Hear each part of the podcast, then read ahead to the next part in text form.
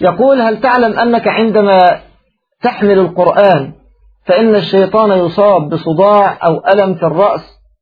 آه الظاهر أن هذه رسالة أرسلت إلى أحد الإخوة فيسأل عن صحة هذه الرسالة. آه الحقيقة يعني تحمل القرآن إيه؟ تحمله في جيبك مثلا أو إيه بالضبط.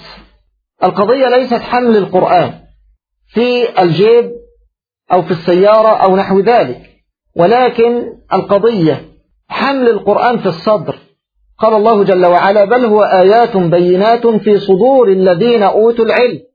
فمن لم يتمكن من حمله في صدره فليجتهد في قراءته بتدبر وتفهم واجتهاد في معرفة المراد به.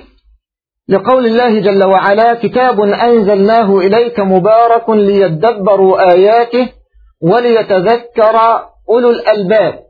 أما إن حمله في جيبه فقط فالشيطان لا يصاب بالصداع ولا شيء.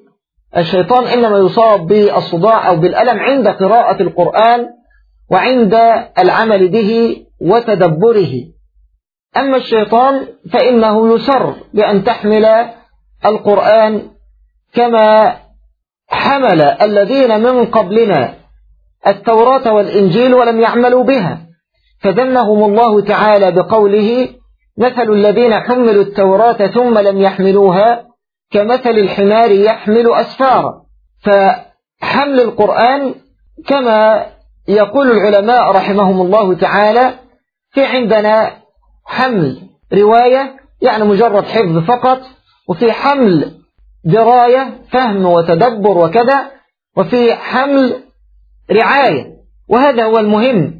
أن الإنسان يحمل كتاب الله جل وعلا حفظا أو تلاوة وتدبرا ليرعى أحكامه وليستقيم على نهجه وليجعله نبراسا له وسبيلا يضيء طريقه إلى الحق والهدى ويأخذ بيده إلى طريق الله تبارك وتعالى والجنة. فهذا هو الذي يغيظ الشيطان ويصيبه بالألم ونحو ذلك. وقد ذكروا في ترجمة عمر رضي الله تعالى عنه أنه أتى رجلا مصروعا فقرأ عليه سورة قاف فقام الرجل كأنما نشط من عقال يعني كأن لم يكن به شيء. فلما مات عمر رضي الله تعالى عنه صرع الرجل مرة ثانية.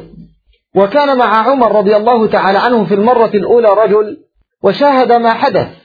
فسارع إلى الرجل ليقرأ عليه سورة قاف مرة ثانية.